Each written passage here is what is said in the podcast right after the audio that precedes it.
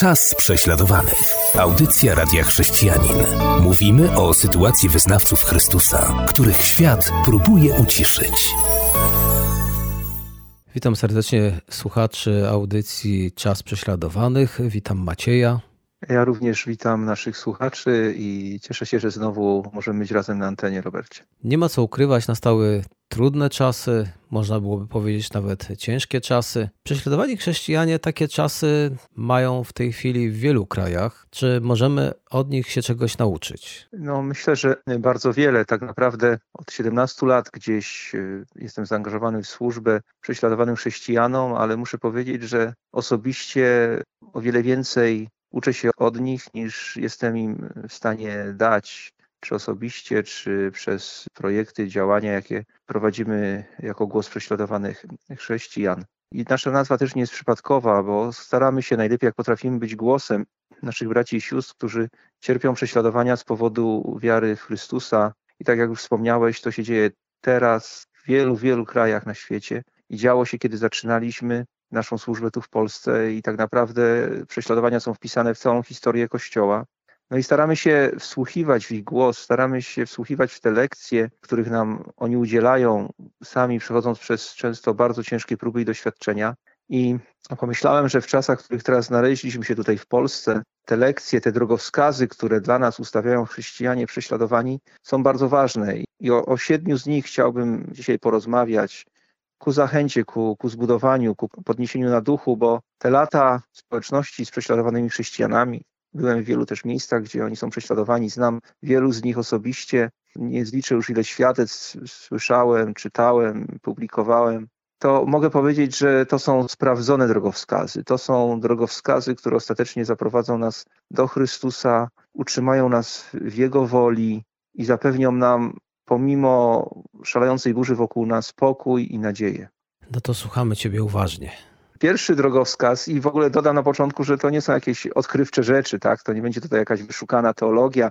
Tak naprawdę to są, to są fundamenty teologii chrześcijańskiej, fundamenty życia chrześcijańskiego, a uczymy się ich od prześladowanych chrześcijan, bo im tak naprawdę nic innego często nie zostaje. Oni muszą oprzeć się, oprzeć się na tym, co jest pewne, trwałe, co jest mocnym fundamentem, bo nic innego nie działa, nic innego się nie sprawdza. Wszystko inne płonie jak siano, słoma i drewno. Więc oni wydobywają te szlachetne kamienie, złoto, srebro i tym się chciałem podzielić z naszymi słuchaczami. Pierwszym tym drogowskazem jest zaufanie. Zaufanie Bogu, takie całkowite zdanie się na Boga i to wzorem samego Chrystusa, który też przecież był prześladowany, spotykał się z opozycją, sprzeciwem i w końcu został zabity za to, kim był.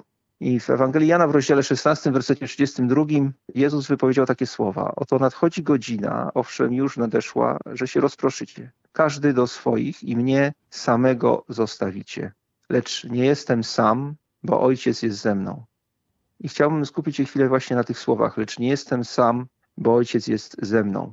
I dzisiaj w wielu krajach na świecie chrześcijanie są fizycznie osamotnieni, bo na przykład są w więzieniu, przytrzymywani w izolatce, albo są w jakimś miejscu rozrzuceni gdzieś przez pożogę prześladowań i mogą czuć się osamotnieni, mogą myśleć, że nikt o nich nie pamięta, ale to, co daje im siłę na co dzień, to jest to samo, co dawało siłę Jezusowi, że Ojciec jest z nimi.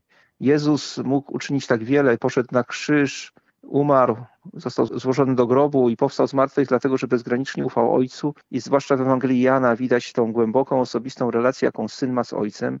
I my teraz w Duchu Świętym możemy mieć dokładnie tę samą relację. Jezus zaprasza nas do społeczności ze sobą, ze swoim Ojcem w Duchu Świętym. Chce, żebyśmy przebywali w Jego obecności, żebyśmy odczuwali Jego bliskość, żebyśmy mogli powiedzieć, pomimo piętrzących się przeciwności i może poczucia takiego emocjonalnego osamotnienia, zranienia, żebyśmy mogli powiedzieć, nie jestem sam. Mój Bóg, mój Ojciec jest ze mną. Chrystus jest ze mną. Duch Święty mnie wypełnia. Nie jestem sam. Ojciec jest ze mną, On mnie kocha, On się troszczy, nie jestem sam. I to jest niezwykle ważna lekcja i temu właśnie Ojcu, który nigdy nie zostawia w potrzebie, z którego ręki nikt nas nie wyrwie, możemy zaufać i całkowicie zdać się na Jego prowadzenie, na, na Jego opiekę. Pamiętam jak kiedyś z moim młodszym synem, miał kilka lat, wracałem do domu i było już ciemno, trzymałem go za rękę i on w pewnym momencie czegoś się bardzo przestraszył i ja tak odruchowo powiedziałem mu, nie bój się, przecież jestem tutaj z tobą. I wtedy Duch Święty taką wielką lekcję wiary mi pokazał i powiedział, widzisz, Jaka była twoja reakcja jako ojca, gdy on się przestraszył? W pewnym sensie byłeś nawet trochę zdumiony, że tak bardzo się przestraszył, skoro ty jesteś blisko i trzymasz go za rękę, ale oczywiście nie czyniłeś mu wyrzutów, tylko zapewniłeś go o swojej bliskości, o swojej obecności, powiedziałeś mu: Nie bój się, ja tu jestem z tobą. Nic ci nie grozi, bo twój tata jest z tobą. I to jest ta lekcja, ten pierwszy drogowskaz, tak, że naprawdę nasz tata trzyma nas za rękę i nie musimy się bać i możemy mu zaufać. On jest blisko, on się troszczy, on chroni, on się nami opiekuje. To zanim będzie przerwa, to powiedz o drugim drogowskazie.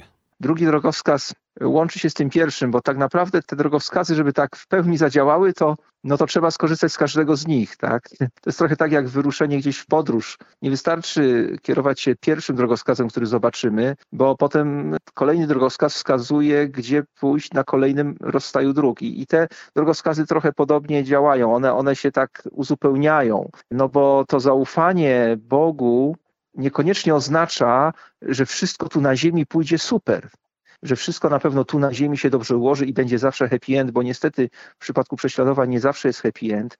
Widzimy to już w Nowym Testamencie. Męczeństwo Jana Chrzciciela, ukrzyżowanie Chrystusa, e, męczeństwo Jakuba, męczeństwo Szczepana. Tu na ziemi, w tym ziemskim wymiarze nie było happy endu ale w wymiarze wiecznym, w wymiarze zmartwychwstania w perspektywie nieba jest ten happy end, czyli my musimy spojrzeć dalej niż ta ziemia, żeby znaleźć prawdziwy pokój i zaufać Bogu, że chociaż tu na ziemi może nie będzie happy endu w moim życiu w jakiejś sytuacji i niestety często tak jest, to jednak w perspektywie wieczności będzie ten happy end przez duże, duże H, tak, wielki happy end. I, I Paweł pięknie to ujął w drugim liście do Koryntian w rozdziale czwartym, wersecie 17 i 18. Napisał tak, chwilowa lekkość naszego ucisku zapewnia nam nieporównywalnie większą wagę wiecznej chwały. Nam, którzy zabiegamy nie o to, co widzialne, lecz o to, co niewidzialne, bo to, co widzialne, przemija, a to, co niewidzialne, jest wieczne. I w takich czasach, w jakich żyjemy teraz, bardzo ważne jest to, żebyśmy właśnie skupili się na tym, co niewidzialne i co nie przemija, co jest wieczne. Zapraszam naszych słuchaczy na przerwę, po której wracamy i usłyszymy kolejny drogowskaz na ciężkie czasy. Czas prześladowanych. Audycja Radia Chrześcijanin. Wracamy po przerwie, rozmawiamy o drogowskazach na ciężkie czasy. Macieju, jaki będzie trzeci? Trzeci zapisałem sobie miłość do nieprzyjaciół, bo w takiej sytuacji, jakiej teraz znaleźliśmy się, oczywiście mamy wroga, tak? Ten wróg rozpoczął straszliwą wojnę na Ukrainie i fala uchodźców przelewa się do Polski. Ten wróg grozi też Polsce. Ten wróg jest znany z tego, że prześladuje chrześcijan, więc możemy się spodziewać, że wszędzie tam, gdzie uda mu się przejąć władzę, wcześniej czy później zaczną się prześladowania i te prześladowania będą się tylko nasilać. Więc jest to wróg i za tego rodzaju działaniami bezpośrednio stoi szatan. My nie walczymy z ciałem i krwią. Jaka jest nasza odpowiedź? I Jezus bardzo wyraźnie powiedział, że mamy miłować nieprzyjaciół. Ja chciałbym zacytować jego słowa skazania na górze, Ewangelia Mateusza, rozdział 5, werset 44 i 45. Ja wam natomiast mówię, kochajcie waszych nieprzyjaciół i módlcie się za tych, którzy was prześladują. Tak czyniąc, zachowujcie się, jak przystało na dzieci waszego Ojca w niebie. On sprawia, że słońce wschodzi nad złymi i dobrymi, a deszcz spada na sprawiedliwych i niesprawiedliwych. I to jest niezwykle ważna zasada. Taka miłość jest możliwa tylko w Chrystusie. To jest nadprzyrodzone obdarowanie od, od Niego samego, ale ta miłość musi być też połączona z mądrością i musimy zdawać sobie sprawę, że ta miłość do nieprzyjaciół ma być mądra, to ma być przejaw dobra, którym przeciwstawiamy się złu. Ale prawda jest też taka, że bardzo wielu komunistów i bardzo wielu muzułmanów, ale też innych prześladowców nawróciło się dzięki temu, że widzieli miłość Chrystusową wśród chrześcijan. I to ich zaskoczyło tak bardzo, że zaczęli weryfikować swoje własne postępowanie. Takich świadectw jest mnóstwo. I dzisiaj muzułmanie mówią, że głównym powodem, dla którego się nawracają, to nawet nie są te wizje i sny, o których często słyszymy, ale to jest miłość chrześcijan, z którą się stykają. To jest dla nich szok.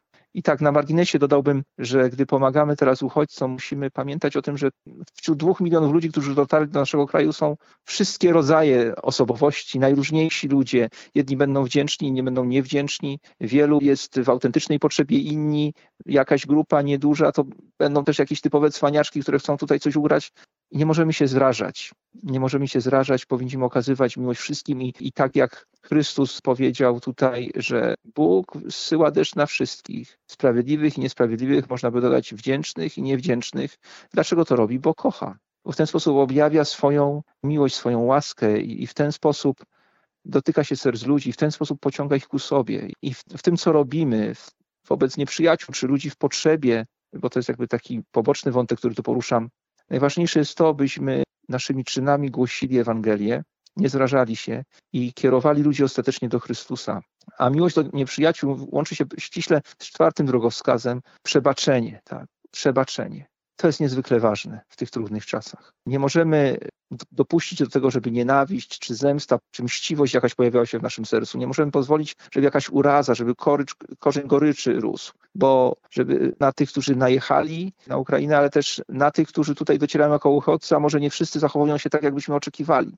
Jeżeli nawet coś poszło źle, czy ktoś z naszych rodaków nas rozczarował, czy może mamy jakiś problem w małżeństwie w związku z napięciami, jakie teraz są, większymi niż zwykle w rodzinie, w kościołach, we wspólnotach. Gorąco zachęcam do tego, żeby wzorem Chrystusa, wzorem też prześladowanych chrześcijan, wybaczać i wybaczać na bieżąco, wybaczać codziennie, żeby to się nie kumulowało. I posłuchajmy, co powiedział Szczepan, gdy był kamienowany w dziejach apostolskich w rozdziale 7, wersecie 60. Panie, nie policz im tego grzechu. I po tych słowach zasnął. Odszedł z tego świata ze słowami przebaczenia na ustach i wierzę, że one wypływały głęboko z jego serca. I to jest dla nas wielki przykład. On był kamienowany, tak? Jego zabito brutalnie, rzucając w niego kamienie, a i tak był w stanie przebaczyć. I to jest to przesłanie, to jest ten drogowskaz od prześladowanych chrześcijan. I dochodzimy do piątego drogowskazu. Tak, a piątym jest wytrwałość, bo gdy patrzę na naszych braci i siostry, którzy są prześladowani, wielu z nich jest w więzieniach od kilkunastu lat, co obciąża oczywiście nie tylko ich, ale też ich rodziny. Wielu jest w obozach dla uchodźców całymi latami. Wielu musi się ukrywać, spotykać się potajemnie i całymi latami nic się nie zmienia. Tak? Modlą się, ufają Bogu, ale jeśli chodzi o tą presję, która na nich spoczywa, nic się nie zmienia. I my dzisiaj nie wiemy, jak długo będzie trwała ta wojna, nie, nie wiemy, jak długo uchodźcy zostaną wśród nas, nie wiemy, jak długo tu będą, nie wiemy, ile, na ile nam wystarczy środków, na ile nam wystarczy sił fizycznych, zasobów, nic nie wiemy, tak? To wszystko jest w ręku Boga. Ale tak ważne w tym wszystkim jest, jest wytrwałość. W liście do Hebrajczyków w rozdziale 10, w wersecie 36 czytamy: Potrzeba wam wytrwałości, abyście po wypełnieniu woli Boga dostąpili spełnienia obietnicy. Wytrwałość. I, I żyjemy w czasach, kiedy chcemy mieć różne rzeczy szybko, i nawet wkradło się to do chrześcijaństwa, tak, że, że chcemy mieć szybko odpowiedzi Boże na nasze modlitwy, ale jednak, gdy widzimy, co się dzieje w sytuacji prześladowań, to bardzo często te odpowiedzi przychodzą z dużym opóźnieniem albo dopiero w wieczności. Niemniej jednak my wytrwale powinniśmy oczekiwać na Pana. W księdze Izajasza w rozdziale 40, w wersecie 31 jest napisane, lecz ci, którzy oczekują Jahwe, odnawiają siłę, wzbijają się na skrzydłach jak orły, biegną, a nie mdleją, idą, a nie ustają. I zwróćmy uwagę, że ci, którzy odnawiają swoje siły, którzy są później jak te orły, to nie są ci, którzy mają wszystko od razu na zawołanie, ale to są ci, którzy oczekują Jahwe. To są ci, którzy na Niego czekają. Ci, którzy ufają Mu i czekają na Jego działanie, nawet jak ono się oddala, nawet jak nie rozumieją. Jest taka piosenka o Jezusie, który szedł do grobu Łazarza i ona brzmi tak, znaczy może nie, nie będę śpiewał, ale zacytuję słowa. Późnił się cztery dni, ale mimo wszystko przyszedł na czas. I tak właśnie nasz Bóg działa. Dlatego ta wytrwałość jest tak ważna, żebyśmy dobrze rozłożyli siły i oczekiwali na Pana. A wcześniej czy później dostąpimy spełnienia obietnic. Ale dobrze jest pamiętać ten drugi drogowskaz, że być może, a w większości przypadków ostatecznie, właściwie w przypadku każdego z nas, ostatecznie to wszystkie te obietnice wypełnią się dopiero w niebie. A tu na ziemi będziemy mieli ucisk, ale ufajmy, że Chrystus zwyciężył świat. Tak więc ćwiczmy się wytrwałości, co za tym idzie również w cierpliwości. A teraz utwór muzyczny i potem powracamy, więc proszę o cierpliwość. Utwór muzyczny za nami, a przed nami kolejne kroki, czyli drogowskazy na ciężkie czasy. Proszę Macieju, powiedz nam co jeszcze.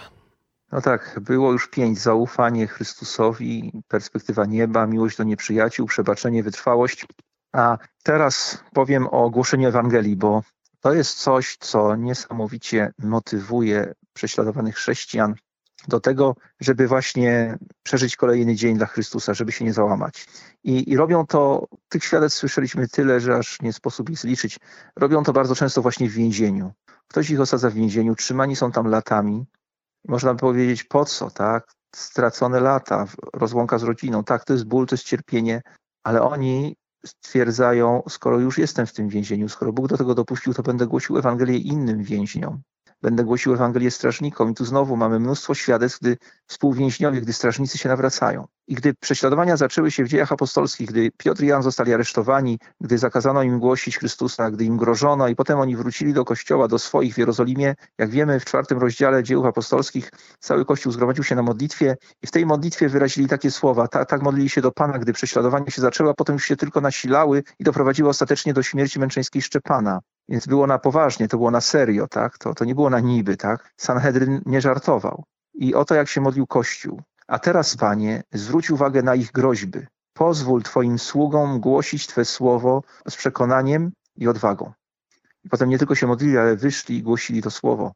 Szczepan zapłacił za to najwyższą cenę, ale to jest ten drogowskaz. Tak? Dzieje się, co się dzieje w naszym, w naszym kraju, dzieje się, co się dzieje teraz w tym regionie świata. I tym bardziej właśnie powinniśmy skupić się na głoszeniu Ewangelii, aby nasze czyny i słowa prowadziły ludzi do Chrystusa. Ale też nie będziemy skutecznie głosić Ewangelii, jeśli Kościół będzie słaby. Pandemia dość mocno podzieliła Kościół. Toczone były spory o błahe rzeczy, o poboczne tematy. Diabeł nas tutaj wkręcił, najróżniejsze po prostu konflikty. Było wielu ekspertów od wielu rzeczy, którzy ścierali się ze sobą w mediach społecznościowych. No było to po prostu antyświadectwo. Myślę, że w dużym stopniu to minęło właśnie z powodu tego zagrożenia, jakie się pojawiło wiele większego. Niemniej jednak ja bym zachęcał, i to jest ten siódmy drogowskaz, żeby tak świadomie, świadomie budować Kościół Jezusa Chrystusa, czyli budować siebie nawzajem i ponosić cenę, cenę własnych wyrzeczeń, własnego cierpienia i bólu, żeby ten Kościół budować. Tu w Polsce, w Ukrainie. I Paweł ujął to tak w liście do Kolosan w rozdziale pierwszym, wersecie 24. Teraz cieszę się mimo cierpień, które ze względu na was znoszę i na własnym ciele uzupełniam to, czego mi brak z udręk podobnych Chrystusowym, za Jego ciało, którym jest Kościół. Innymi słowy, Chrystus cierpiał na krzyżu za nasze zbawienie, ale naszym zadaniem jest to, żeby pomimo cierpienia, które nas spotyka, budować Jego Kościół, budować siebie nawzajem, budować braci i siostry, nawzajem siebie zachęcać, nawzajem siebie wspierać, bo jest wielkie wyzwanie przed nami i tylko zjednoczeni w miłości, zjednoczeni we wzajemnej zachęcie zbudowaniu, podołamy temu zadaniu. Teraz nie ma czasu na żadną rywalizację, na jakieś konflikty, spory o błahostki. Teraz jest czas na to, by zjednoczyć się w miłości Chrystusowej i wspierać siebie nawzajem, byśmy skutecznie jako Kościół czynem i słowem mogli głosić Ewangelię. I to wszystko otrzymuje, te wszystkie drogowskazy będzie możliwe tylko wtedy, jeśli naprawdę będziemy umierać dla samych siebie i pozwolimy Chrystusowi przejawiać się poprzez nas. I to w jakim stopniu będziemy użyteczni dla Boga, to to zależy od tego, jak bardzo utożsamimy się z Chrystusem. Paweł w drugim liście do Koryntian w rozdziale czwartym, wersecie dziesiątym ujął to tak. I zawsze śmierć Jezusa nosimy w swoich ciałach. Śmierć Jezusa nosimy w swoich ciałach, aby i życie Jezusa stało się w naszym ciele wyraźne. Zatem umieramy dla siebie, aby Chrystus mógł żyć. I to jest miejsce, do którego prowadzą te drogowskazy. I tak naprawdę to jest szlak, który one wytyczają. I bez właśnie tego umierania dla siebie i tego, by Chrystus żył w nas, nie podołamy zadaniu, jakie jest przed nami, ale jeżeli pozwolimy Chrystusowi żyć w nas, to podołamy i zwyciężymy w Chrystusie. Dużo ważnych rzeczy, ale też pokrzepiających. Uważam, że ten punkt drugi, który poruszyłeś, jest bardzo ważny, jak i pozostałe również, ale tak bardzo ważny na ten czas, abyśmy mieli perspektywę nieba. My nie wiemy często, dlaczego pewne rzeczy się dzieją i być może nigdy się nie dowiemy ale kiedy spoglądamy daleko, daleko, patrzymy na Księgę Apokalipsy, jak niektórzy mówią, że diabeł nie jest zadowolony z końca, no bo tam czytamy, że jest pokonany, to na pewno i tych prześladowanych, bo wiemy to ze świadectw, ale i też nas może napawać radość, może napawać nas e, nawet odwagą, to co czytamy, dlatego że my znamy nasz koniec. Nasz koniec to jest zwycięstwo w Chrystusie. Dokładnie tak, dokładnie tak. Audycja nasza dobiegła do końca. Dziękuję serdecznie za uwagę. Dziękuję Maciejowi, że chciał się z nami podzielić tymi siedmioma wskazówkami, krokami. Ja również dziękuję za uwagę i, i życzę Bożego pokoju. Będę się o to modlił, abyśmy wszyscy ten pokój mieli w Chrystusie. Do usłyszenia. Do usłyszenia. Była to audycja Czas prześladowanych.